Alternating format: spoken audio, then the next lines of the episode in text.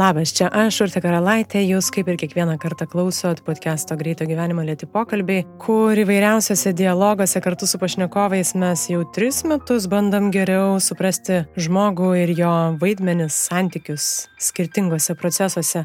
Aš labai džiaugiuosi, kad po podcast'o stogų jau gimė 75 įvairiausi pokalbiai, kuriuose mes visi turim galimybę kažkaip aukti bent po kokį mili, mili, milimetrą. Nepaslaptis, kad jie gimsta iš mūsų komandos užsidėgymo ir tikėjimo, jūsų poreikio, palaikymo, prisidėjimo ir remėjų indėlio. Ir visos šitos dalys yra iš tiesų be galo svarbios tam, kad pokalbiai tęstusi.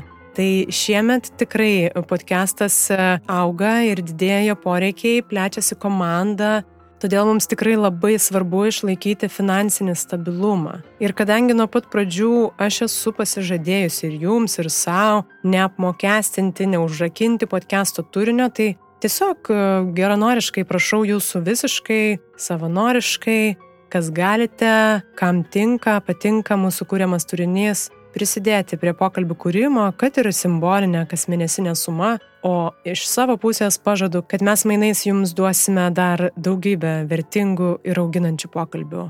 O jausmas būti jų dalimi tikrai nuostabus. Tai prisidėti galite patreon.com pasvirasis brūkšnys lėti pokalbiai. Karantinas oficialiai baigėsi, bet podcastas jau tikrai užsikrėtė meilę muzikai, o ir iš jūsų vis girdžiu teigiamus atsiliepimus apie vis kintančią muziką. Todėl visiškai savanoriškai mes ir toliau tęsiam šią iniciatyvą Pastarėjai metai buvo tikrai negailestingi muzikos pasauliui, todėl epizoduose pristatau vis naują man įdomų Lietuvos muzikos kurieją. Taip tikiuosi ir jūs supažindinti su gal dar netrastais garsais, o tuo pačiu kartu su rėmėjais mes simboliškai prisidedam prie muzikos pasaulio kuriejų veiklos.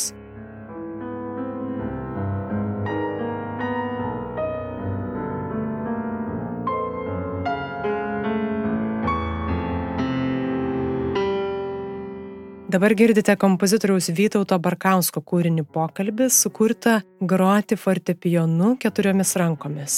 Ir jį keturiomis rankomis atlieka Mykolas ir Motiejus Bazarai.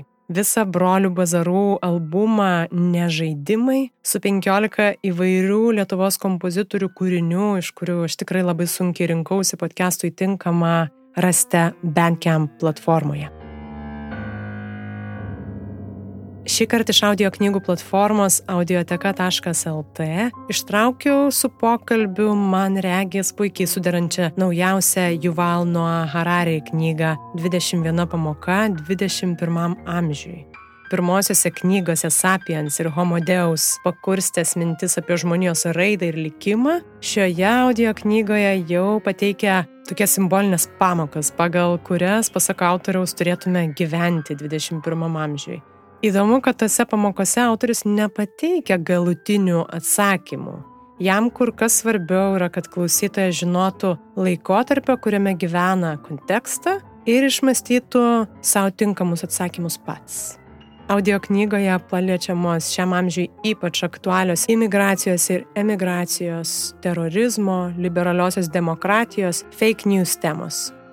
Nuorodą į audio knygą rasite epizodo apraše, o su kodu lėti pokalbiai visoms, visoms audioteka.lt knygoms gausite 20 procentų nuolaidą iki pat Liepos 28 dienos. Tai nepraleiskite. O šiandien kalbame su istoriku Vilniaus universiteto dėstytoju Kestučiu Kilinsku, tyrinėjančių karinių konfliktų poveikį politiniams, socialiniams, ekonominiams procesams. Nežinau, ar pastebėjot, bet karo temą mes esam podcast'o pokalbiuose palietę jau ne kartą iš labai skirtingų perspektyvų. Tai jaučiu, kad šitas pokalbis tarsi vainikuoja anksčiau buvusių rinkinį ir padeda pažiūrėti dar vienu sluoksniu giliau, nuosekliau iš būtent jau šios ryties tyrėjo matymo kampo. Aš pati į šitą pokalbį ateinu su daug klausimų prasidedančių kodėl kuriuos pradžioje atrodė net nedrasu užduoti, nes jie gal kiek naivus atrodo. Bet tuo pačiu suprantu, kad neuždavusi jų ir nepaieškojusi atsakymų, aš tikrai nepajudėsiu nei kiek pirmin. Tai keliaukim dabar jau į dar vieną naujų matymų ir minčių atnešantį pokalbį su istoriku Kestučiu Kilinsku. Gerą pasikalbėjimą.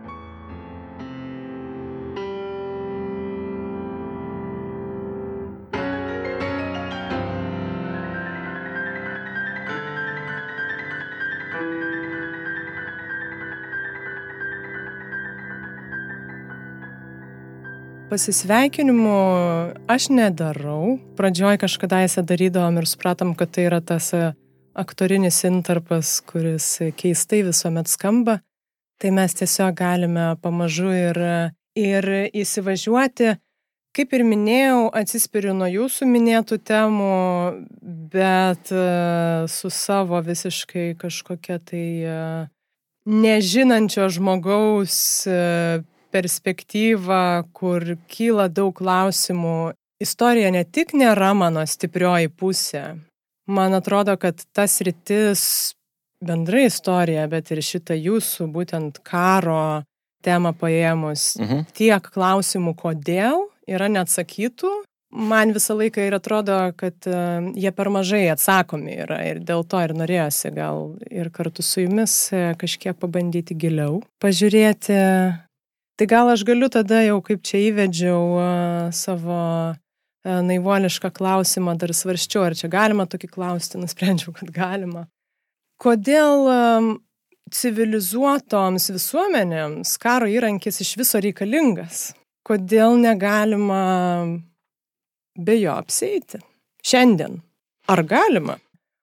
Čia yra vienas iš tokių karo, man atrodo, pamatinių dalykų kad jisai buvo ir yra ir egzistuoja kaip žmonių tarpusavio santykių forma. Tai man atrodo pirmiausia. Ir aišku, čia mes galime pradėti galvoti, kuo skiriasi, tarkime, kažkokios tai pirmykštės bendruomenės žmonių tenai gyvenusių smurtas arba davimas vienas kitam su vėzdu per galvą nuo šio laikinių karų. Jeigu mes tai traktuosime kaip žmonių arba visuomenės tarpusavio santykius, arba kitaip tariant normalių tarpusavio santykių suirimą, ką pirmiausia karas ir padaro, tai karas mums turbūt tampa na, neišvengiamas šitoje perspektyvoje žiūrint. Aišku, jeigu mes kalbame apie karus, kurie vyksta šiuo laikotarpiu, šiuo laikotarpiu, tai aš turbūt pirmiausia dėčiau skirti po, reiškia, šaltojo karo griūties tai jam dar yra būdinga tam tikras nevalstybinių aktorių, nevalstybinių grupuočių smurtas. Taja prasme, kad e, turbūt ilgą laiką labai e, karas kaip toksai politikos instrumentas buvo būdingas tik tai valstybėms.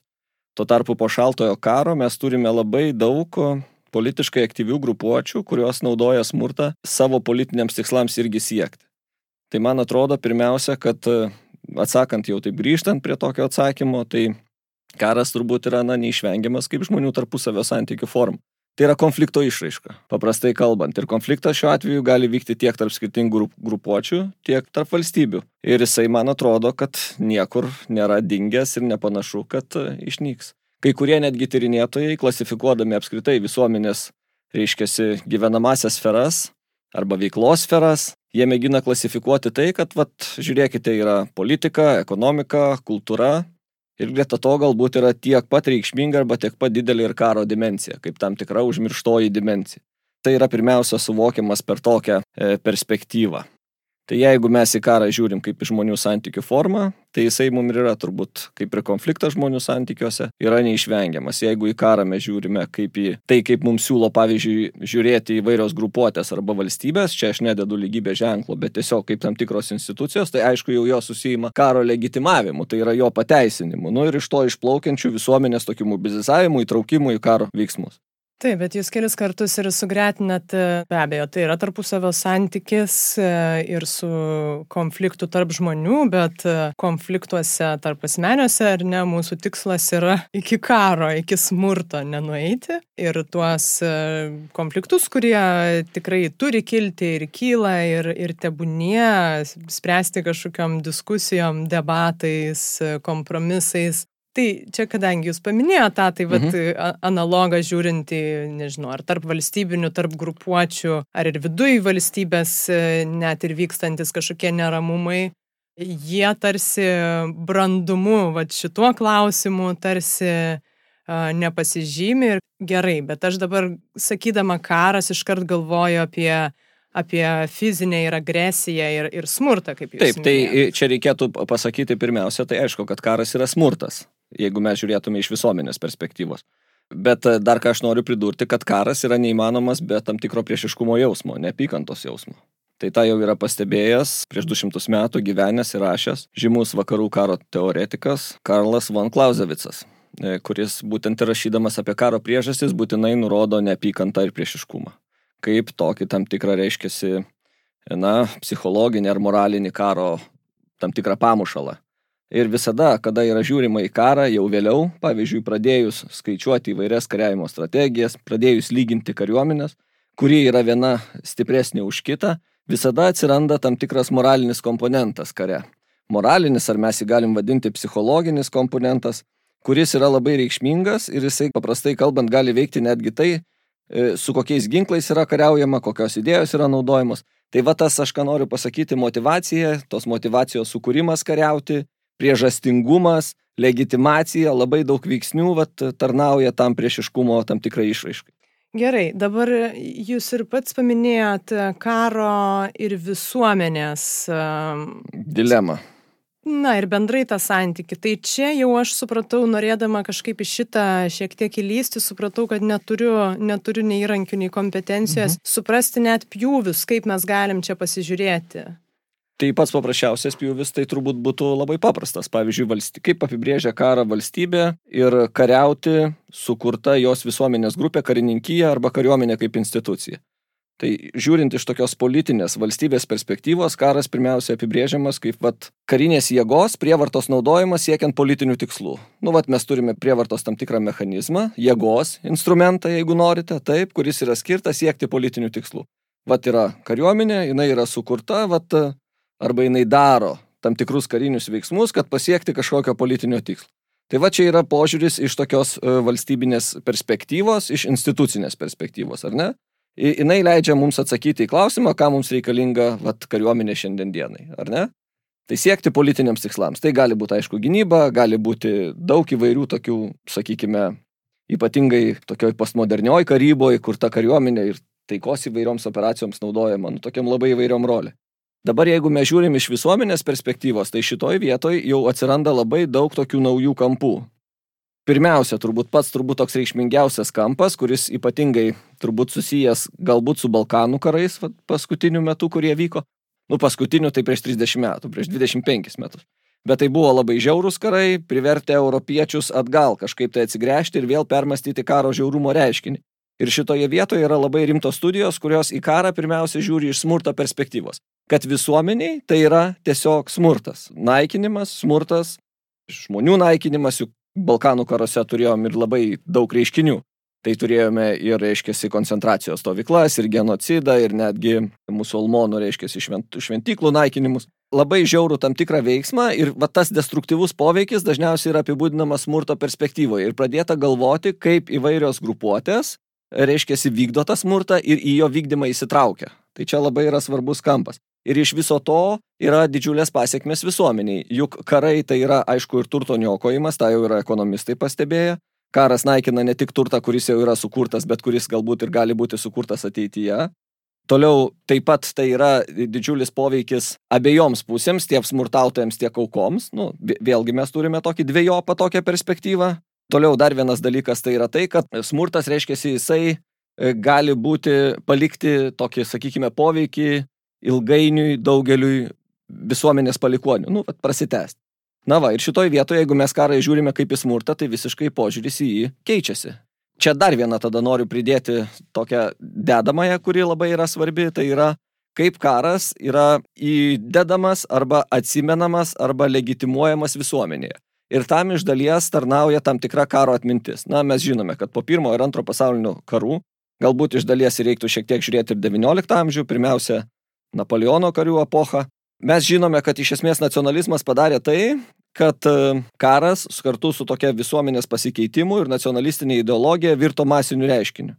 Kada jisai virsta tokiu masiniu reiškiniu, jisai kartu turi didžiulės pasiekmes aukų prasme. Ir mums reikia palengvinti visuomeniai gedėjimą tam tikrą, nu, valdžios institucijoms, legitimuoti žuvusiuosius ir čia atsiranda karo tokia atminimo perspektyva.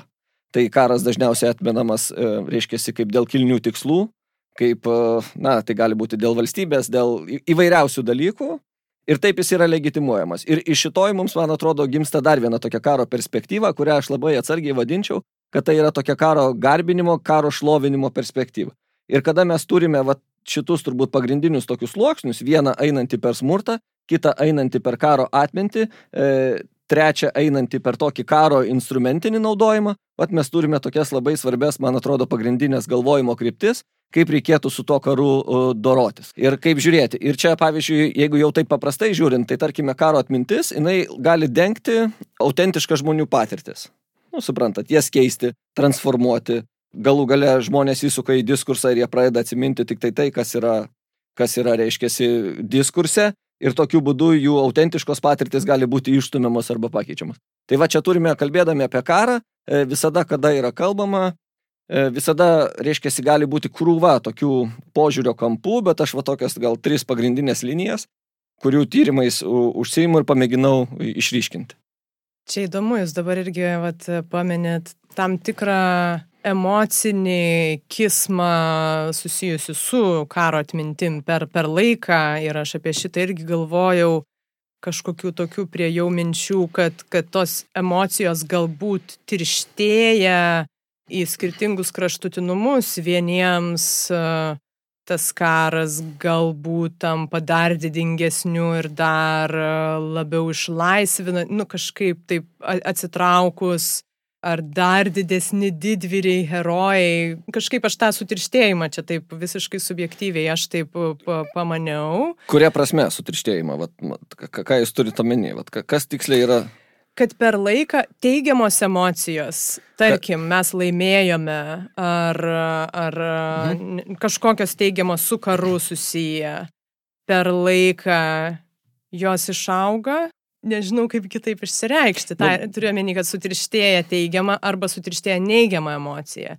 Jeigu tas karas paliko kažkokius tiesioginius ar netiesioginius neigiamus pėtsakus. Aš gal nežinau, ar čia prasmingas yra vartojimas teigiamas neigiamas. Tai tiesiog, jeigu taip žiūrint atsiminimus, žvelgiant iš karo atminties perspektyvos, nu tarkime, galima ten imti kokius nors tarpukario Lietuvos nepriklausomybės karo arba nepriklausomybės kovų atsiminimus, ar ne? Vat, ką žmonės patyrė tame kare, tai patirtis. Tai tiesiog yra patirtis, tai ką žmogui įstringa, ką jisai įsimena ir ką jisai aprašo. Ir šitoje vietoje čia tas teigiamas, neigiamas jau turbūt atsiranda tam tikro pašalinio stebėtojo filtras, kuris leidžia sakyti, va čia atsiminė, čia teigiamai, čia neigiamai. O man atrodo, kad vat atmintis pirmiausia karo tai yra žmogaus privilegija asmeninė, ką jisai pats patyrė ką jisai užfiksavo, ką jisai atminė. Ir e, šitoje vietoje, reiškia, nu, mums mokslo prasme tai dvi tokios savokos labai reikšmingos tampa tokia kultūrinė atmintis ir komunikacinė. Komunikacinė tai yra tam tikrų atminties bendruomenių, tokie pasakojamieji, individualūs pasakojamieji pasakojimai.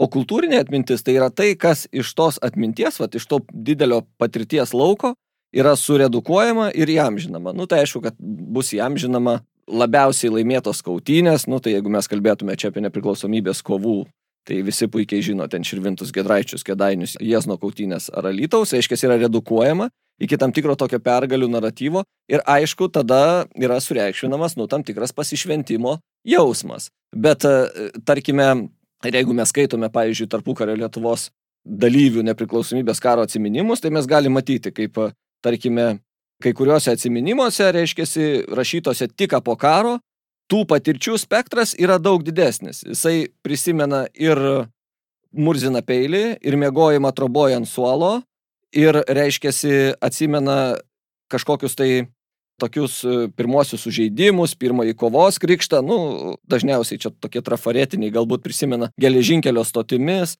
prisimena, kai pirmą kartą šovė, nu, va, tokie labai aiškus elementai. Tai e, tarkime jau ketvirtojo dešimtmečio, sakykime, antrojoje pusėje, tas naratyvas, va, ta patirčių spektras, jau jis yra truputį suspaustas.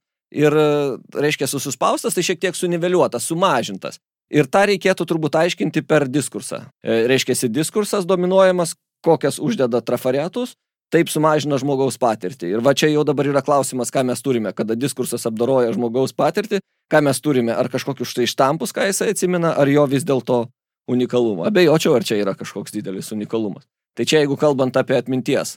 Na ir aišku, tada turbūt žmogus mėgindamas pateisinti e, tam tikrą savo elgesį, jisai tai teisins labai įvairiais dalykais, tiek e, kerštų ar kova ten už, už, už kovos draugus ir panašiai. Tai čia va tokie va mechanizmai, jie yra Ir labai dažnai, vat, man atrodo, kad, sakykime, galvojant apie karą, va, tie tokie įvairūs atminties arba subjektyvūs, individualūs mechanizmai, jie kartais netgi užgožia tam tikrus analitinius aiškinimus. Turbūt aš link, link to ir galvojau, mhm. kad per laiką susiaurėja tos patirtis atsiminimuose ir vad kas ten lieka. Tai gal jūs esat pastebėję, kas, kas jau atkrenta iš tų jūsų minėtų mhm. kažkokių patirčių Ir ką galima gal bendro pastebėti? Nu tai jeigu prie tam tikros konkretikos, tarkim, visa turbūt Lietuvos visuomenė puikiai žino Širvintų gedraičių kautinės kokias nors, ar ne? Reiškia, jų atminimą. Tai Širvintų gedraičių kautinės buvo sureikšmintos arba atmintos plačiai dėl to, kad tai yra vienintelė Lietuvos kariuomenės operacija prieš Lenkijos kariuomenę, kuri pasibaigė, sakytume, sėkmingai, nes iki to laiko sekė daug pralaimėjimų Suvalkyje kadangi tarpukario Lietuvos, reiškia, visuomenė politiškai ir, ir politiškai, ir atminties prasme tikėjo ir norėjo ir vylėsi atsiimti Vilnių, tai tai yra neišvengiama be kovos prieš Lenkus. Tai va tas Širvintų gedraičių kautynės jos tarnauja kaip vaizdinys, telkiantis visuomenę kariauti prieš Lenkiją, žygiuoti į Vilnių. Ir dabar, pavyzdžiui, jeigu mes imame karių atsiminimus, taip, tai imant tą patirties tokį dėmenį, patirties lauką, tai ten galime matyti, kad e, yra prisimenama labai daug tokių netikėtų dalykų, kaip e, Širvintų miestelėje išdaužytos vitrinos, ar ne? Prisimenama labai daug, dažniausiai yra įvairūs sužeistųjų ir žuvusiųjų vaizdai. E, gana jie plačiai aprašomi. Toliau baimės jausmas, ar ne? Tokio nesitikėjimo jausmas, nepasitikėjimo jausmas savimi. Kai kur netgi yra aprašoma tam tikras raginimas ir stumimas, na, kautis, Bet jeigu mes paimame ir, reiškia, įmame tam tikrą viešąjį diskursą, va tą viešojo atminimo lygmenį, tai mes dažniausiai rasime štai, kad, kad tai buvo tokia, na, ryštinga kova, širvintai gedraičiai buvo atsimti, vėliau netgi prie to buvo prikabinta, kad tai buvo tam tikro žygio jau į Vilnių pradžia. Ir tas patirčių, reiškia, yra visiškai sumažinamas ir tas susiaurinimas pirmiausia priklauso nuo politinio konteksto. Kas politiniam kontekstui arba tam tikrai grupiai konstruojančiai atminti, ką jinai galvoja, kad vertinga yra atsiminti.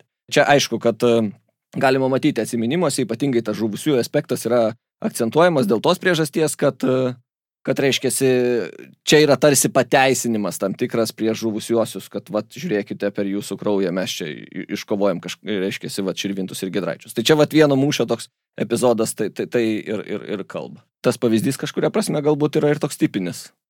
Norisi dar tada grįžti prie mhm. karo romantizavimo tam tikro e, mhm. šlovinimo, kaip be pavadinsi.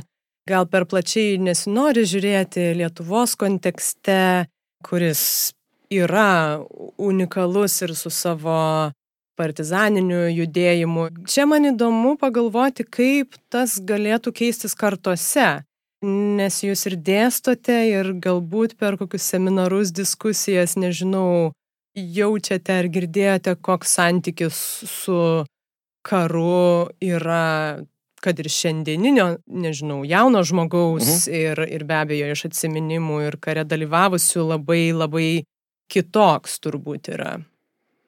Nu, čia tas tarp generacinis aspektas, jis nėra tyrinėtas kol kas Lietuvoje. Kai kokios skirtingos kartos turi santykių su karu, aš tik tai galiu kažkokiais tai savo subjektyviais pastebėjimais Man atrodo, kad tokia militarizmo tradicija Lietuvoje nėra labai reikšmingai apmastyta e, dabartinėje visuomenėje. Reiškia, čia jau taip yra mūsų tokia e, tradicija, istorinė tradicija, kas yra iš jos atsinešama, ypatingai tiek e, turbūt pirmiausia tarpukario Lietuvos, tiek pokario, partizanų kovos, galų gale Lietuvos kariuomenės užuomasga kaip tam tikrų savanorių, toliau reiškia pokario partizanai, Lietuvos šaulių sąjunga, tai tik tai ir parodo, kad yra tam tikras būtinas tokios, e, sakytume, piliečio kario, tam tikras piliečio savanorio, piliečio partizano vaizdinys yra labai įtakingas, arba, arba jo reikšmė yra labai didelė. Ir man atrodo, va, iš šitos perspektyvos žvelgiant, tai to kalbėjimo apie karą, va, šitome laukia yra labai daug. tiek per įvairias tokias paramilitarinės, sakytume, struktūras, tiek per tokias, na, reguliariasias. Ir jeigu mes žiūrėtume, tarkime, šitą skirtumą su vakarais, tai vakarų kariavimo tradicijoje visuomet reikšmingą dalį užėmė tai, ką vadintume tokiom reguliariom konvenciniam struktūrom. Tai reguliaria kariuomenė, turbūt taip. Tuo tarpu Lietuvoje visada turbūt kariuomenės užuomaskos buvo arba ten aukščiausiosios tarybos kažkokie tai rusiai, arba, e, reiškia, ten partizanų miškai ar, ar savanoriai. To vat reguliarumo tradicijos mes kažkokios rimtos neturime. Na, tik tarpu kario Lietuvos galbūt kariuomenė ir dabar. Ir šitoje vietoje dažnai yra įsivaizduojama, kad vat, savanoriai, sukilėliai, partizanai visuomet E, gelbėjo Lietuvą ir tai tarsi nebyliai nurodo piliečiui, kaip jisai turėtų elgtis. Tai va to kalbėjimo Lietuvoje, man atrodo, yra labai daug. Ir tas galvojimas, galbūt tai įtakoja ir tai, kad mes gyvename vis dėlto ES paribyje, prie grėsmingo kaimyno, jisai šiek tiek, man atrodo, va tą militarizmo refleksiją slopina arba militarizmo mąstymą aiškesnį, arba tiesiog visuomenės tam tikros militarizacijos galbūt reikėtų savoką naudoti, reiškiasi kažkiek tai jisai tam, man atrodo, trukdo ir neleidžia jam, e, reiškiasi, labiau pasireikšti. Tai man atrodo, kad karą visuomenė turi studijuoti, čia nėra mano autentiškos mintis, tai yra pasakęs žymus e, Junktinio Amerikos valstijų karo tyrinėtojas Quincy Wrightas, kad visuomenė ir norėdama išvengti karo, ir norėdama jį kariauti, turi tą reiškinį suprasti, turi jį tyrinėti ir studijuoti. Tai vad, man atrodo, ta laisvesnė kritinė refleksija, toks apmąstymas, jinai labai padėtų reiškinį geriau suvokti. Ko, ko tam suvokimui, taip labai abstrakčiai be abejo, žiūrint į mūsų mhm. visuomenę, mhm. ko, ko trūktų, kaip jūs matytumėte. Tai, Nes aš dabar, aš jo, irgi taip. esu čia kažką ir pasižymėjus mhm. ir toliau, kad uh, turėdami tą tokią priešistorę ir nepriklausomybės e, kovų netaip senai buvusių, tų tokių subjektyvių matymų e, yra ir to romantizavimo. Taip, tai čia ir romantizavimas galbūt čia aišku, kažkiek tai jau yra ir literatūros, ir, ir medijų dalis įtaka populiariųjų tokių vaizdinių, aišku, tą labai linksta romantizuoti. Jeigu kalbant apie tam tikrą, ko labiau trūkstų, tai man atrodo tam tikro truputį atsitraukimo nuo esamos pozicijos ir mėginimo pažiūrėti į šalies kritiškai, apmastyti, pareflektuoti kas vis dėlto vyksta su ta visuomenė, kodėl jinai yra vat tokia, kodėl jinai taip elgesi, kaip jinai gali elgtis kitaip. Man atrodo, visada yra krūva pasirinkimų, galimybių rinktis, bet dažnai visuomenė renkasi kažkodėl tai vienu, tik tai vienu arba kitu keliu ir nelabai susimasto apie skirtingas opcijas. Tai man atrodo, va, tam tikras kritinis pagalvojimas, šiek tiek atsitraukimas nuo esamos pozicijos tą galėtų padaryti. Na ir žinoma, man atrodo, kad jeigu kalbėtume apie tam tikrą ar karo istoriją, ar tokį karo mokslą Lietuvoje, tai tyrimų paskutiniu metu yra vis daugiau, vis skirtingesnių ir vis labiau tas yra apgalvojama ir apmastoma, vis iš skirtingų kampų žvelgiama. Bendrai edukacijai, kaip jūs matytumėt, nebūtinai e, įprastoj mokykliniai, bet e, švietime tiek ir visuomenės, e, ir jauno žmogaus, ar galėtų atsirasti daugiau kažkokio diskurso ir informacijos? Nu tai man atrodo, va šalia to tokio, va, angažavimosi galbūt kažkuria prasme, va, kariauti, įdedant į tą, va, diskursą, įliejant tam tikro tokio kritinio galvojimo per smurtą, galvojimo apie karo pasiekmes, apie karo pasiekmes, pavyzdžiui, ekonomikai, apie karo pasiekmes žmonių socialiniam gyvenimui, kaip keičia karas, kaip jisai suardo ryšius, normalius, įprastus, kaip visuomenė elgėsi netikrumo būsenoje, va karantinas galbūt ką parodė. Būtent va, iš šitos krypties pagalvojimas jisai padėtų daug labiau išplėsti tiek galvojimo lauką, tiek, reiškia, apskritai mąstymą apie karą ir jo suvokimą e, visuomenėje. Čia tam tikra prasme kolega vienas yra pastebėjęs, kad, na, tam tikras Lietuvoje vis dėlto yra turbūt e, galima užčiuopti tam tikrus tokio na, karo kaip tokios egzistencializmo arba tam tikro egzistencinio suvokimo tokias apraiškas. Tai čia, man atrodo, labai yra reikšmingas pastebėjimas ir jisai gali visuomenė atverti daug įvairių ir kitokių perspektyvų prie poveikio e, dar truputį mhm. staptelsiu, tai jūs irgi paminėt, e, niekas iš principo neprieštaraus turbūt, kad jis yra greunantis daugybę pjūvių, ne tik ekonominių ir, ir, ir turtinių, ir emocinių, ir tarpusavio ryšių. Kita norisi pažiūrėti perspektyvą, o kaip laimėjusi pusė karo na, procese, koks poveikis ten yra visuomeniai ir, ir santykiam, nežinau, Čia mes labai plačiai taip kalbam taip, ir labai taip, generalizuotai. Tai... Aš negaliu jūsų įvesti kažkokį ja. pavyzdį konkretų, taip. tai gal nebent jums kiltų mintis. Taip, aš galiu šitose temose iš tiesų tik labai abstrakčiai mhm. prieiti, bet jeigu, jeigu galėtumėt kaž, kažkur pažiūrėti į tą, sakau, tie greunantis pėtsakai yra daugmaž mums pažįstami kaip e, visuomenė, valstybė, grupuotė laimėjusi, ką iš ten, kokį pėtsaką pasilieka po karo tokio. Tai e, čia va dar norėjau truputį, va, prisiminiau vieną reikšmingą dalyką, kad e, tarkime, nors karas yra, turi savo principus, taip, tarsi paklūsta tam tikriam dėsniam, čia jeigu žvelgiant jau iš tokios institucinės, va, tos kariuomenės ar karininkijos perspektyvos, Bet kartu ekonomistai, pirmiausia, na, ekonomikos klasikas, jeigu aš neklystu, Adamas Mitas yra pastebėjęs, kad karas turi būti finansuojamas iš mokesčių. Su mintimi, kad visuomenėje bus racionalaus proto, kad jeigu tu moki daugiau ir tie pinigai yra sunaikinami, tai galbūt tu nenorėsi finansuoti ir būsi suinteresuotas tą karą kuo greičiau baigti. Bet kaip žinome, visi karai yra finansuojami arba kreditais, arba rekvizicijom, arba iš esmės mokesčiais. Ir tas reiškiasi ekonominis paskata kažkuria prasme neveikia, bet labiau veikia visuomenė va tam tikros e, moralinės kategorijos. Čia, man atrodo, labai yra reikšmingas dalykas, mėginant suvokti karo reiškinio tokį, reiškiasi, tiek įvairia lipiškumą, tiek mėginimą įvai jį sugaudyti, kas tai yra. O dabar grįžtant prie jūsų klausimo dėl tam tikro uh, laimėtojo, ar ne? Nu, tai man atrodo, kad 21 amžiaus laikotarpyje yra labai svarbus, reiškiasi, karo percepcija. Tai yra karo suvokimas, karo suvokimo konstravimas. Nu, tam tikra prasme čia galime kalbėti, kad vat labai e, informacinis karas yra tam tikra prasme yra to galbūt pasiekmė, bet jis yra ir kitų priežasčių pasiekmė. Ir man atrodo, va tas karo percepcija paskutiniu metu pradeda labai reikšmingai galbūt veikti tokį kariavimo apskritai suvokimą. Tas, va, reiškiasi, galvojimas arba mėginimas primesti savo galvojimą yra labai nu, reikšmingas. Ir kaltu reiškia, valdant e, tą vat, suvokimą apie karą, jo atmintį, kartu yra mėginama, aišku, kad užrašyti nu savo kažkokį tai įdėkti, primesti savo pasakojimą. Tai čia nieko tame, nėra šitoje vietoje nieko kažko labai, labai išskirtinio. Aš dabar noriu dar peršokti, taip, skaičiau ir keletą tekstų, man įdomu, nors konkrečiai mes apie kažkokius įvykius taip. jau žinojau, kad nekalbėsim pokalbėje, bet man E, labai patinka įsivesti ir jūsų tematikas, Taip. tai yra apie blynų balių paskaičiau ir Taip. dar tą patį Gedraičių jūsų minėtą. Iš kažkurio iš šitų jūsų tekstų išsitraukiau uh, gabaliuką, kad Taip. nepublikuotuose atminimuose atsiskleidžia ne tik herojiškas, bet mhm. ir chaotiškas kovų vaizdinys, uh, jis nebuvo viešai komunikuojamas. Tai tiesiog užsikabinau šito, Taip. nes tą turbūt būtų galima prikabinti prie daugumos karinių konfliktų. Jeigu čia dabar kalbant apie tarpukario Lietuvą, tai tarpukario Lietuvoje atsiminimų publikavimas e, nebuvo laisvas, ypatingai iš karo atsiminimų.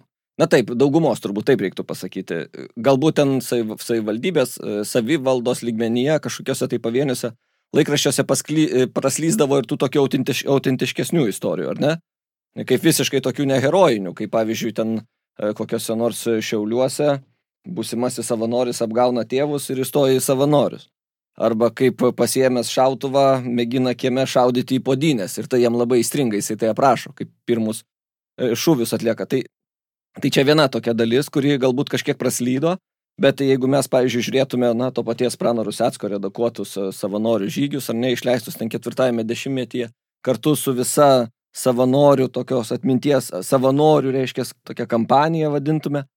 Tai ten labai matosi, kad, reiškia, tie atsiminimai prieš juos publikuojant pirmiausia yra perskaitomi dalies karininkų susirinkime. Nu, įsivaizduojat, vat, savo atsiminimus pateikiu viešai kažkokiai tai va tokiai auditorijai, kad jie gali būti, aišku, šitoj vietoj koreguojami ir toliau viskas eina per kariuomenės literatūros ir spaudos skyrių, nu, tam tikrą prasme, vat, propagandos skyrių. Tai yra rėtis, kuris, kol pasiekė skaitytojai, yra išfiltruojamas. O įsivaizduokit, dar patį autorių veikia labai daug iš ankstinių gali veikti klišių ir kultūrinių dalykų. Tai mes, kada turim atsiminimą, galim ten matyti labai daug tokių sluoksnių.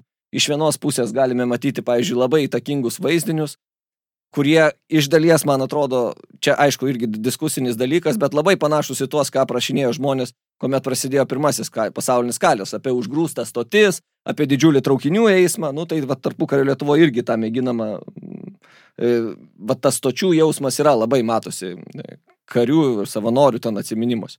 Dabar, jeigu kalbėtume apie 21 amžių, tai man atrodo e, visuomenė ir kartu ir žiniasklaida kaip to dalis, man atrodo, dar niekada nesusidūrė su tokiu dideliu spaudimu paversti žiniasklaidą karo dalyvę.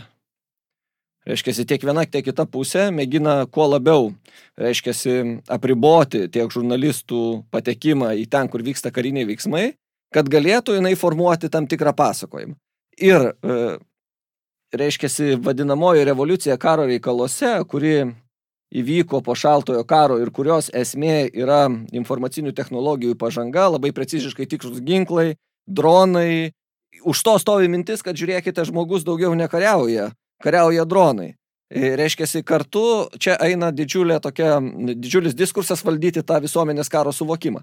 E, nu, pateikti tik tai tos vaizdinius, kad, na, būtų lengviau galima pateisinti karą, kad ten nėra aukų. Nors jeigu mes skaitome, pavyzdžiui, tyrimus apie tai, ką patiria drono operatorius, tai jisai taip pat, e, reiškia, nemažiau sudėtingoje aplinkoje negu karys turbūt būdamas mūšio laukia. Kuria prasme?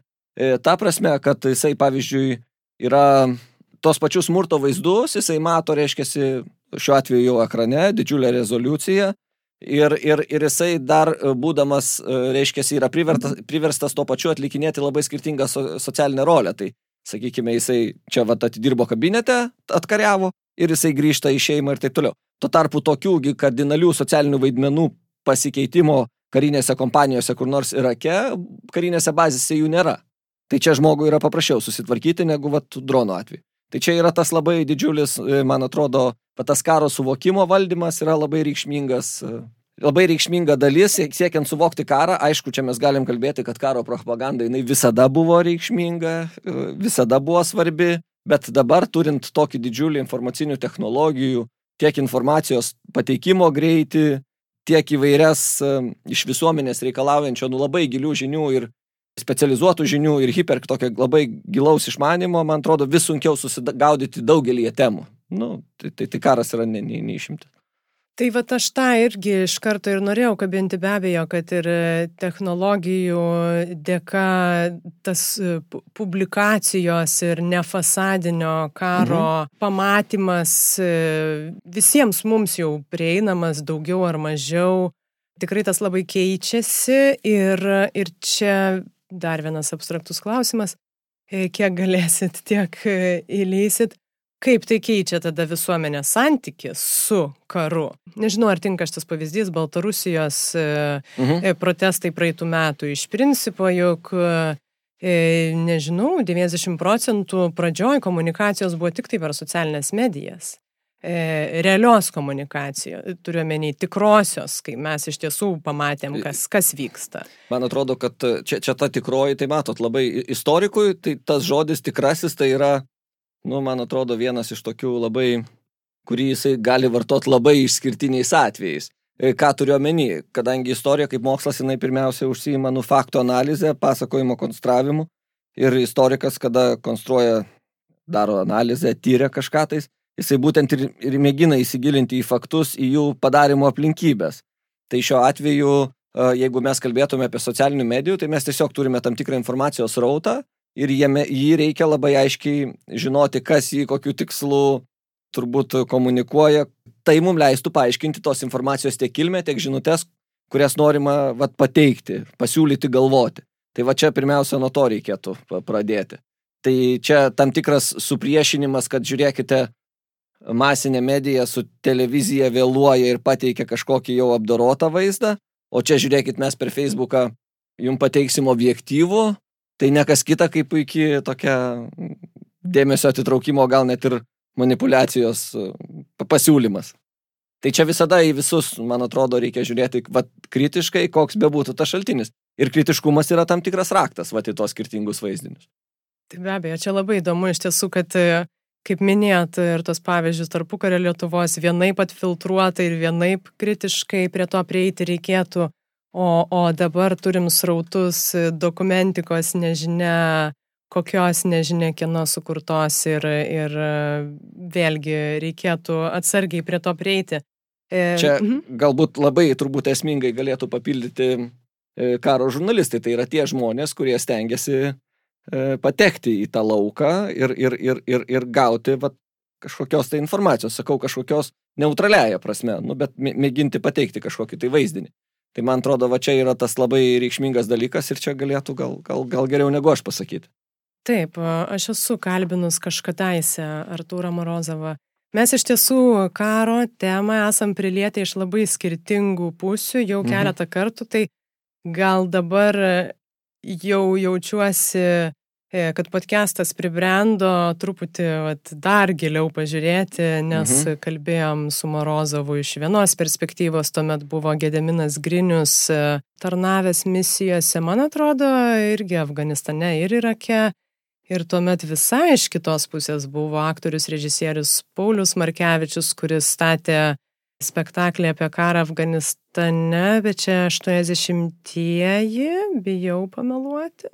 Jisai su veteranais čia Lietuvoje daug bendravo iš tokios jau asmeninės, asmeninės pusės, tai visur ten kilo labai daug klausimų, kuriuos dar ir čia turbūt atsinešiau. Tai mhm. norisi prie žmogaus dar truputį grįžti, nes jūs ir visai iliustratyviai pateikia tą pavyzdį apie drono valdytoją, kuris, kuris va tokią rolę turi. Bendrai irgi pažiūrėjus į žmogų kaip ganėtinai bereikšmį įrankį konflikte, kaip individą, bet be abejo privaloma varštelį tam, kad viskas vyktų, kaip tas vaidmuo keičiasi. Nes jūs vat jau minit pavyzdžius, kad galbūt to žmogaus jau laukia mažiau reikia, E, na, galvojant ir apie tuos karus, kur, kur tiesiog buvo prievalės, e, kur tave išsiunčia tiesiai į pragaro nasrus ir be abejo, kad tai keičiasi ir vyksta kažkiek kitaip. Aš vis dar matau tą žmogų, tą Joną ar Džoną kaip tokį varštelį, kurisai neturi sav, savęs ir savo, na, jis dirba darbą yra įvairiai turbūt, jeigu taip imti tyrimų tą spektrą, ar ne? Aišku, kad tos valstybės, kurios dominuoja technologijų pasaulyje, tai tarkime Junktinės Amerikos valstijos, Didžioji Britanija, Izraelis, tos, kurios turi, reiškia, pramoninį potencialą vystyti apskritai pirmiausia technologijas, o po to ir jas pritaikyti karui, tai žinoma, kad jos tam tikram išlaikyti savo na, galios tiek įvaizdžiui, tiek, reiškia, ir turėti tokius, na, instrumentus, kad kariniam priemonėm paremti savo tokius politinius tikslus, tai aišku, kad jos, man atrodo, vis labiau naudosis uh, technologijomis. Bet technologijos niekaip nepanaikina žmogaus buvimo kare. Nu, man atrodo, taip, čia galime matyti, kad tai leis daryti kažkokius tai tokius atsakus dronus. Nu, čia dronas tai labai toks, e, jis tarnauja gal kaip simbolis labiau to modernaus kariavimo visuomeniai puikiai žinomas, bet už to stovi krūva dalykų. Tai tiek kosmoso technologijos, tiek paprastai taip pat reiškia, dar drono turėjimas jokių būdų nereiškia, kad visuomenė jau čia staiga jau kažkokia tai, va, kad technologija keičia žmogų. Tai man atrodo šitoj vietoje yra labai daug tokio įvaizdžio kūrimo. E, kitas dalykas, bent jau kol kas mes neturime tokių reikšmingų dalykų, kur technologijos labai reikšmingai pakeis žmogų, galbūt jos leis sumažinti karinių pajėgų kiekį, galbūt leis su mažiau daryti daugiau. Tai aišku, dar yra diskusinis klausimas, kadangi karas yra labai toks tradicinis užsiemimas. Tradicinis tai ta prasme, kad labai jame didelį vaidmenį vaidina istorija, kad visuomet yra mokantis kariauti, yra tyrinėjama istorija, mėginama rasti kažkokių tai idėjų ir taip kariauti. Ir reiškia, ta evoliucija, man atrodo, jinai nebus tokia reikšmingai besikeičianti kaip kitose gyvenimo sferose. Man atrodo, čia tradicija vaidins didelį vaidmenį. Tai čia aš kalbu pirmiausia apie naujų technologijų įtaką, percepciją ir, ir taip toliau. Dabar, jeigu apie patį žmogų grįžtant, tai mes turim turbūt tik tai vienetus valstybių, kurios gali sauliaisti kažkuria prasme sumažinti žmogaus tą vaidmenį arba jį kažkaip kitaip įdėti. Bet e, didelė dalis pasaulio valstybių, ir jeigu mes įmame ypatingai ten kokius nors ar, ar, ar Afriką, ar vidurio rytus, ten, kur vyksta kariniai konfliktai, tai juk jie vyksta primityviomis labai priemonėmis. Yra toksai aiškinimas, kad karo žiaurumas ir tai, kaip jisai vyksta, priklauso nuo, reiškia, tokio kultūrinio visuomenės lygio. Bet tas paaiškinimas nėra, man atrodo, iki galo toksai reikšmingas. Kodėl? Todėl, kad e, vis dėlto ir labai kultūringos visuomenės gali kariauti labai žiaurius karus ir čia aš labiau turbūt galvočiau, kad karas kaip aplinka, jisai labiau išlaisvina vat, žmogaus uh, netikrumas, nežinia, uh, tam tikras reiškiasi galbūt ir keršto jausmas, norėjimas tą kerštą perkelti ant kito, jisai gali išlaisvinti labai tokias, turbūt per kolektyvinio elgesio logiką ypatingai gali išlaisvinti pačias tokias, na, jėgas, kurios gal ir patį žmogų gali nustebinti. Nu tai va šitoj vietoj tas aiškinimas. Tai aš ne, ne, nematyčiau kažkokio labai kardinalaus žmogaus reikšmės kare pasikeitimo. Tas, man atrodo, kariavimas dėl idėjų, jisai vis tiek liks reik, nu, reikšmingas. O ar tai žmogus yra sraigtelis, tai aš nu, ne, nemanau, kad su tokia nuomonė ne, nesutikčiau, nes žmogus visada turi pasirinkimą. Ta mums rodo, tarkime, antro pasaulinio karo visa e, istorija, kad žmogus net ir didžiulių totalitarinių, reiškia, režimų spaudime prievartoja su savo tam tikrą prasme pasiūlymais, arba tai, kas siūlo žmogus visada turi pasirinkimą. Tai man atrodo, čia aš ne, su tokia pozicija nesutikčiau. Dabar dar grįšiu tada į pačią pradžią ir čia pratesti gal jūs pradžioj paminėjot, kad ir be abejo konfliktai smurtiniai nuo pirmykščių žmonių visuomet mhm. vyko, tuomet kažkuriuo metu ir užsimenat, kad kariniai konfliktai vyksta kiek kitaip. Ir dabar paminit, kad tas gyvuliškas žmogaus pradas visgi yra tikimybė, kad išlenda kažkokius tai... E, Ant jo visko nereikėtų nurašyti. Taip, taip. Čia jokių aš... būdų, nes realybė yra daug sudėtingesnė. E, turiu omeny, kad yra daug labai, istorikai tą turbūt labai mato, kaip įvairių žmonės jau, kurie yra, turi savo kažkokį charakterį, įsivaizdavimą, nuotaikas, kaip juos gali veikti labai skirtingos situacijos ir kaip jie gali reaguoti skirtingai. Tai čia tas, aš suprantu, kad mes galbūt mėginam rasti kažkokį vardiklį pa, pa, paaiškinamai, bet tą labai yra sudėtinga, nes tie, tie tokie, to žinot, didelės generalizacijos, dideli apibendrinimai, jie yra labai, uh, juos labai nesunkiai greuna kažkokie tai pavieniai atvejų. Išimtis. Tai. Iš, nu, ne, nu, apskritai gal Kur dar norėjau nuklysti, Taip. visgi kuo iš principo kitaip vyksta karas dabar, kai jau nebe su kuokom ir nebelekiam tiesiai, žodžiu, į taikinį, užmušti tiesiog. Ne, tai karas jis ir išlieka, kaip aš ir turbūt minėjau, tai pirmiausia yra e, prievarto, iš valstybės perspektyvos tai yra vat, instrumentas, politikos vykdymo instrumentas. Dabar iš visuomenės perspektyvos tai mes, aišku, vis tiek turime matyti šitą smurto ir naikinamą į jo poveikį, su visom iš to išplaukiančiom pasiekmėm, invalidais ir taip toliau. Na ir mes turime toliau tam tikrą karo palikimą, kuris ateina per karo atmintį. Tai toks mano ir atsakymas. Reintegracija dar, jeigu galim užkabinti. Jo, vis, uh mhm. -huh. Jūs ir esate šiek tiek ir šitą temą palietęs. Lietuvoj, kaip tai vyksta ir ko jūs matot, kad trūksta? Jeigu mes žiūrime į karius ir kariuomenę ir nežiūrime į ją kaip instituciją, tai pirmiausia mes turime žiūrėti kaip į visuomenės dalį. Čia sociologai tą yra labai pastebėję, kad netgi galima pamatyti tos e, karinės visuomenės dalies, militarizuotos, nu, kariuomenės visuomenės dalies, reiškia tam tikrą pamatyti tarpą, gepą angliškai, reiškia tarp skirtumą tarp likusios visuomenės dalies ir tarp jų. Ir tą distanciją galima pamatuoti.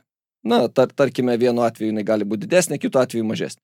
Ten, kur, pavyzdžiui, visuomenė labiau, kariuomenė labiau integruota į visuomenę, gina demokratinės vertybės ir taip toliau, tas, tas automatiškai gepas arba va, tarpas yra mažesnis. Ten, kur kariuomenė yra labiau izoliuota nuo visuomenės, ten yra didesnis, va, tas, reiškia, savimilitarizacijos, indoktrinacijos lygis. E, ir šitoje vietoje va, susiduria visuomenė su problema, kaip va, tą savo visuomenės dalį įlieti į, į, į plačiąją visuomenę.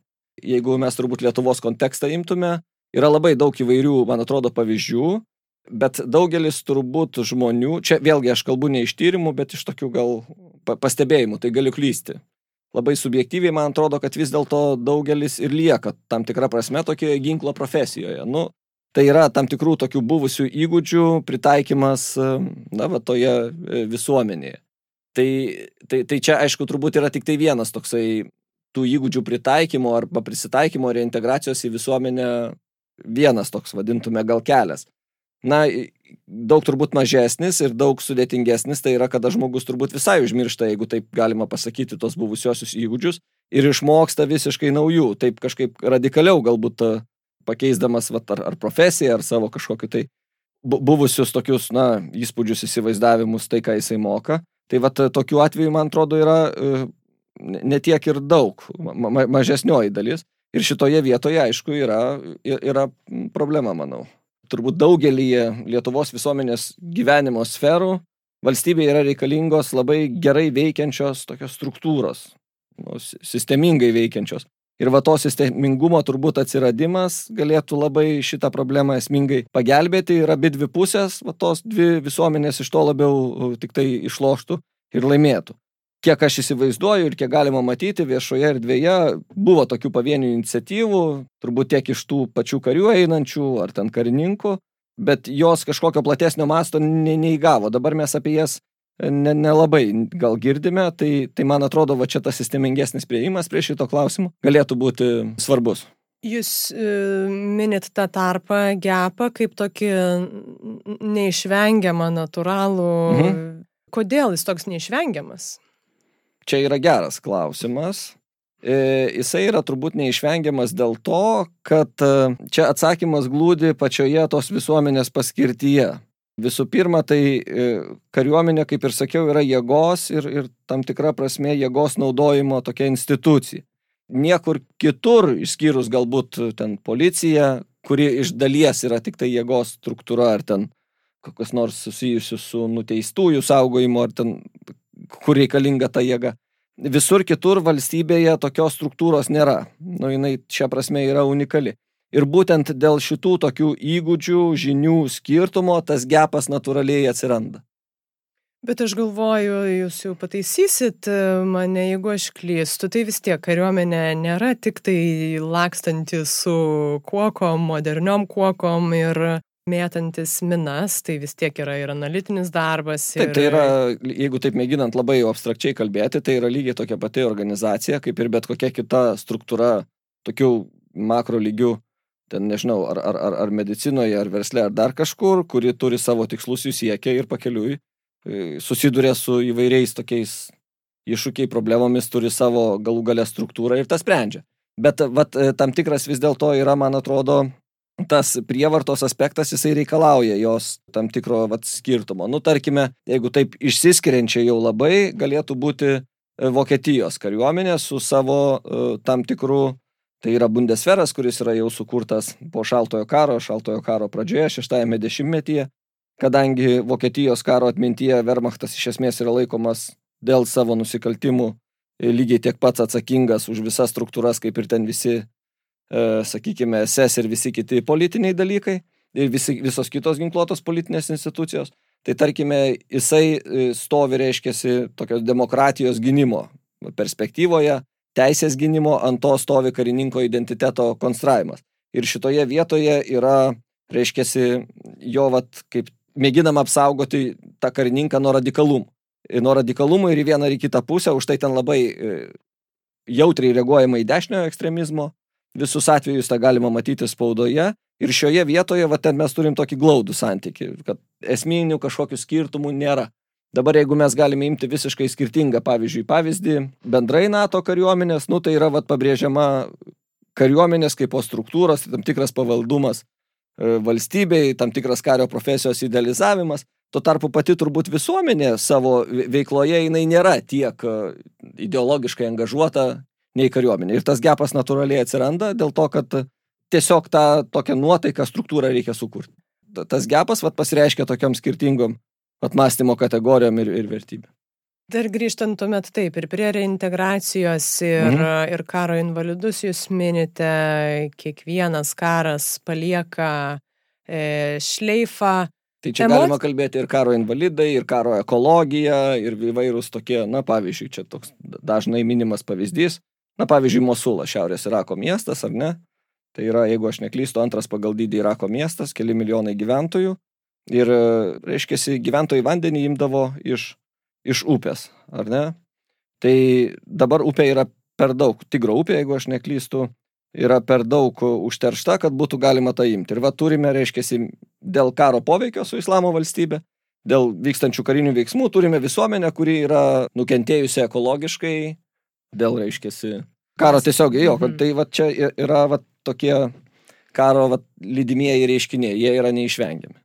Dar tada į tą žmogų grįžusi noris ir pasižiūrėti ir kažkokį fizinis sužalojimas yra viena, emocinis palikimas, šleifas po, po karo. Klausimas, kas turėtų tuo rūpintis, vėlgi, jeigu tu išeini kariauti, ar tai už savo šalį, ar už organizaciją, jeigu tai mhm. būtų, nežinau, ar NATO, tarptautinė žmogus, na, vad, jūs sakot, jis grįžo e, į tą visuomenę tokią, čia yra gepas, aš susirasiu galbūt darbą pagal savo gebėjimus, e, bet e, ne tik, ne tik mano fiziniai poreikiai yra, ne tik valgyti turiu pasiimti. Tai vad apie šitą palikimą, labiau psichologinį, kiek jūs galėtumėt paliesti šitą temą. Tai čia labai svarbi tema. Aišku, jinai visuomenė yra labai stipriai mitologizuota. Turiu omeny, čia aišku galima apie konkretiką kažkokią tai kalbėti, kaip pavyzdžiui, ten potrauminio streso sindromas ar panašiai, bet man atrodo, jinai, trup, jinai yra labai turbūt aktuali, nes tam tikrą prasme, na, traumas patiria ne tik tai kariai mūšio laukia, bet patiria ir visuomenė. Gali patirti įvairiuose tokiuose neordinarinėse, neįprastose situacijose. Aišku, tas yra būdinga ir, ir, ir reiškia, man atrodo, kariuomenė kaip struktūrai, bet kartu reikia suvokti dar vieną dalyką. Kariuomenė būdama viena iš rizikos profesijų, ypatingai ten policininkai, gydytojai, kariai, gaisrininkai, tie, kurie susiduria su dideliu streso e, kiekiu, jų reiškiasi, nežinau, mokyme, arba jie geba toleruoti daug aukštesnį jo lygį. Tai čia vienas labai svarbus e, dalykas, kad pati institucija to iš dalies veiksmo, vat, logika, pati darbo logika, jinai verčia, vat, taip, tą išmokina galbūt arba e, geba daryti. Tai vienas yra dalykas. Dabar kitas dalykas yra aš nežinau, kiek tas kažkoks tai streso dalykai, kiek jie jau čia veikia tų kažkokių naujų įgūdžių mm, išmokimą, jeigu čia, kaip jūsų klausime, mėginta susijęti su va tokia reintegracija. Nemanau, kad čia yra kažkokia tai tokia tiesioginė e, jungtis, čia labiau yra naujų įgūdžių nu, išmokymo klausimas, ką įrodytų e, reintegracija. Tai Na, man... aš labiau žiūrėčiau jau į tokius e, sunkesnius emocinius mhm. krūvius kažkokius, aš girdžiu, ką jūs sakot, tikrai nenoriu pasakyti, kad visi grįžę ja, iš karo lauko yra emociniai invalidai, bet e, ir tiesiogiai esu sutikus nemažai žmonių, kurie, kurie grįžta su šituo šleifu, nesvarbu, ar tai yra tavo nemiga, ar... Taip, taip, taip. E, dar yra labai įdomi studija padaryta Junktinėse Amerikos valstijose, Čikagos universitete, Samuelio Stauferio. Jie reiškia, apklausė, jeigu aš neklystu, šimtą tūkstančių veteranų reiškia, vat labai panašių tokių klausimų. Dabar aš taip detaliai rezultatų tų e, negalėčiau pakomentuoti, bet manau, kad aišku, kad, e, man atrodo, turbūt, e, ką galima matyti vat, iš tyrimų tokio lauko, tai be abejo, kad karas kaip toks, jis turi šitą aspektą čia, nu, neišvengiamai. Pabaigai, Neprilėtėm, dabar bus proga priliesti, jūs ir pats e, buvęs profesionalus karys ir Afganistane, mhm. Irake e, misijose dalyvavote. Pats tas derinys be galo įdomus, kad jūs baigę šią karjerą e, pasukote istoriko, mhm. kaip čia pėdomis ir, ir būtent karą ir pasirinkote tyrinėti. Kaip jūsų santykis su karu, kaip procesu keitėsi? Aš ir kitam podcast'e girdėjau, kad e, ta jūsų pradžia buvo tokia ganėtinai natūrali, kažkiek gal naivuoliška, paneiksite, jeigu aš klistu, akivaizdu visiškai kitokį santyki dabar turite. E, taip, tai čia man taip teko kažkiek tai laiko dirbti, dalyvauti misijose, kaip jūs ir pat sakėte. Mano domėjimasis toks gilesnis karu, čia jokių būdų nemėginu sakyti, kad tie, kas dirba tą darbą, nesidomi giliai to karu. Čia labiau gal mėginu pasakyti, kad perspektyvos iš mokslo ir iš to žmogaus, kuris tą atlieka, yra, turi ir skirtingumų. Tai aš pradėjau domėtis taip labai netikėtai savo pirmosios misijos metu Afganistane, nu tiesiog susidūriau su tokiu, kaip tuo metu man atrodė, nu tokiu didžiuliu nepaaiškinamos informacijos rautu. Nu viskas yra kitaip, žmonės kalba kitą kalbą, žmonės visiškai kitaip elgesi, jie atrodo kitaip. Toliau greta to, kadangi pirmoji misija būtent buvo Afganistane, tai apskritai buvo pirmoji lietuvių misija Afganistane, Tai tas, aišku, ėjo kažkiek tai turbūt visuomenė ir toks sovietinis šleifas. Na, visi žinojo, kad ten sovietai nesėkmingai kariavo. Afganistane toliau dar kitas dalykas, kad darbinė prasme e, kažkiek tai pavyko galbūt e, pamatyti, kaip atrodo Junktinio Amerikos valstybių kariuomenė, kuri tuo metu buvo po kariavo tą karą, kuris vadinasi revoliucija karo reikal, po revoliucijos karo reikaluose. Tai va, ta tokia naujos informacijos gausa ir tam tikras vakumas privertė kažkiek tai savarankiškai mane studijuoti. Ir, ir aš pradėjau skaityti labai tokias, skaičiau viską, kas pakliuvo tuo metu į rankas, nuo tokių turistinių kelionių po Afganistaną, tokių, reiškia, įvairiausių knygelių turistams skirtų, iki Pakistano karininkyje yra angliškai gana daug knygų išleidę iš sovietų karo, nu įvairių šalių ten mėginau skaityti ir tas kažkaip natūraliai vedė nu, į studijas, kad skaitai, skaitai ir visada galbūt vat, būtų įdomu pastudijuoti. Ir aš kai pradėjau studijuoti, tai kažkaip to karu atvirkščiai visiškai nesidomėjau ir tik tai gal magistro studijose kažkiek labiau sugrįžau į tą karo tyrimų lauką ir jame dabar esu. Tai tas e, požiūrio pasikeitimas, tai jis yra numilžiniškas, nes jis yra, man atrodo, dabar daug platesnis, daug laisvesnis. Jis yra daug labiau toks e, labai norėčiau, kad jis būtų kuo labiau toks metodologinis, kad gebėjimas būtų iš skirtingų perspektyvų pažiūrėti, ne tik tai į, kad ir kaip tai būtų įdomu, ten šautuvus tankus ar kažkokius orkestrus, bet ir pamatyti skirtingas tokias tradicijas, regionus, užduoti galų gale tam, ką tu matai, kažkokius tai rimtesnius klausimus. Tai va, čia, man atrodo, yra va, tas pasikeitimas, o kažkuria prasme tas va, kažkiek domėjimasis tais kariniais dalykais, jis vis tiek yra manau, kad e, tas praktinis iš kažkiek žinojimas leidžia galbūt lengviau e, tyrinėti arba kitaip tyrinėti, bet e, iš kitos pusės jisai ir uždeda akinius, kuriuos reikia visada įveikti. Įkalina tam tikrą prasme, tai čia reikia labai su tais dalykais visada Aš norėjau, juos apgalvoti gerai. Norėjau klausti, kad, kad tokio subjektivumo irgi gali įvesti, kad aš mačiau. Aš žinau, jo, taip. čia taip, čia visada, visada lengva. Nu, matote, visada yra lengva žinoti, man atrodo. Čia yra pati lengviausia pozicija, kokia gali būti. Aš nemanau, kad yra vienas atsakymas. O aš žinau, tai turbūt įrodo labiau tokį, gal labiau psichologam gali būti geras klausimas, ką reiškia žinojimas. Tai, jo, jo, pasitikėjimas pasi, savo. Pasitikėjimas savo jėgomis. Jo, ir, ir... Priešo pozicija dar man įdomi, mhm. rolė gal net labiau. Visgi jūs, kaip žmogus ir jūsų grupuotė, grupė ateinate į tą visuomenę kaip priešai, aš teisingai suprantu. Mhm. Reiktų patirinėti, e, čia yra labai fundamentalus šiaip klausimas. Jeigu taip žiūrint iš asmeninės perspektyvos, priklauso nuo tos bendruomenės, su kuria tu bendrauji ir koks yra santykis į, į, į tave. Kad tu esi kitoks, tai jau tikrai. Tai pirmiausia, par visas kitokią religinę tapatybę, nors e, čia irgi tam yra atsakymas. Toliau kitaip kalbi, kitaip atrodai, jau tu esi kitoks. E, dabar toliau ką tu čia darai. Tai čia jau priklauso, sakau, nuo ko, su kuo tu bendrauji. Tarkime, bendraujant, tarkim, su kokiam nors šytų bendruomenėm pietų Irake, jie sakys, kad va čia visai neblogai, kadangi jie buvo Sadamo Huseino opozicijoje. Jeigu tu kalbėsi su kažkokiais, tai reiškia, labiau elito buvusiais žmonėmis, jie laikysis tokios rezervuotos nuomonės ir tau sakys, žiūrėk, čia iki tavęs viskas buvo gerai. Ką aš ir noriu pasakyti, kad tas karo patirčių spektras iš visų pusių yra labai platus ir jis nėra labai vienareikšmiškas. Tai, tai čia aš tokio vientiso atsakymo neturiu.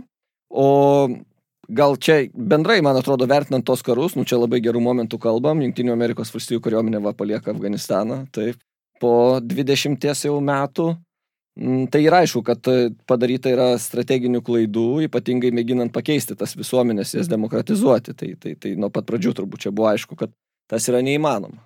Tai čia jau turbūt yra daug, e, čia yra ne tik tai kultūrinis santykis, bet ir politinis interesas ir jo realizacija. Ačiū. Manau, Prašom. kad uh, reikia jau truputį pasilikti erdvės ir, ir pratesti šito mintim daug informacijos. Ačiū už platesnį pažiūrėjimą į tikrai sudėtingus e, šituos procesus ir tikėtina, kad bus lengviau ten dar pasigilinti. Tai dėkui. Ačiū Jums labai.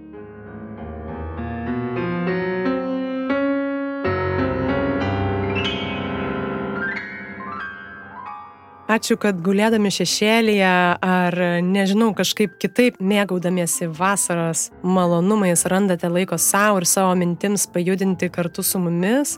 Man šitas pokalbis atnešė priminimą apie svarbą atsitraukti. Šiuo atveju nuo įprastų mums perduotų požiūrio linijų, gal kiek romantizuotų, neatsietų ir nuo tradicijos mūsų krašto, istorinio konteksto ir žinoma jo keliamų emocijų ir tuomet pažiūrėti plačiau ir gal kiek šalčiau. Daugybė įvairiausių podcast'o pokalbių rasit Spotify, iTunes 15 min klausyk ir kitose programėlėse bei karalaitė.com pasvirasis brūkšnys podcastas. Primenu, epizodai išeina kas antrą trečiadienį, jų tikrai nepraleisite, jei seksit podcastą Instagram ir Facebook paskiruose arba audio platformose. O podcast'o socialinėse medijose mes nuolat susipažįstam su muzikos kuriejų, podcast'o komandos, klausytojų, pašnekovų mintimis ir kylančiais įvairiais klausimais. Tai prisijungki, tikrai ten daug įdomių dalykų vyksta, nes podcast'as va čia nesibaigia. Podcast'o kūrimą dalinai finansuoja spaudos, radio ir televizijos remimo fondas ir jūs prisidedantis Patreon platformai. Kaip minėjau, podcast'o poreikiams ir komandai pamažu vis augant, jūsų prisidėjimas mums tikrai labai reikalingas. Tai jei tik galit, prisidėkit bent simboliškai. patreon.com pasvirasis brūkšnys lėti pokalbiai. Podcast'o draugai Vilniaus universiteto radijos stotis Start FM portalas 15 minučių. Kaip ir kas kart, podcast'e Greito gyvenimo lėti pokalbiai su jumis buvau aš, Urte Karalaitė, ir šį kartą kalbėjome su istoriku Kestučiu Kilinsku. Likit dar po pokalbio tystančiuose pamastymuose su kompozitoriaus Vytauto Barkausko kūriniu pokalbis, kurį keturiomis rankomis atlieka Mykolas ir Matėjus Bazarai. Neperkaiskit, raskit laiko atsipūsti, padovanoti savo kitokių minčių, žinių, patyrimų ir iki kitų kartų.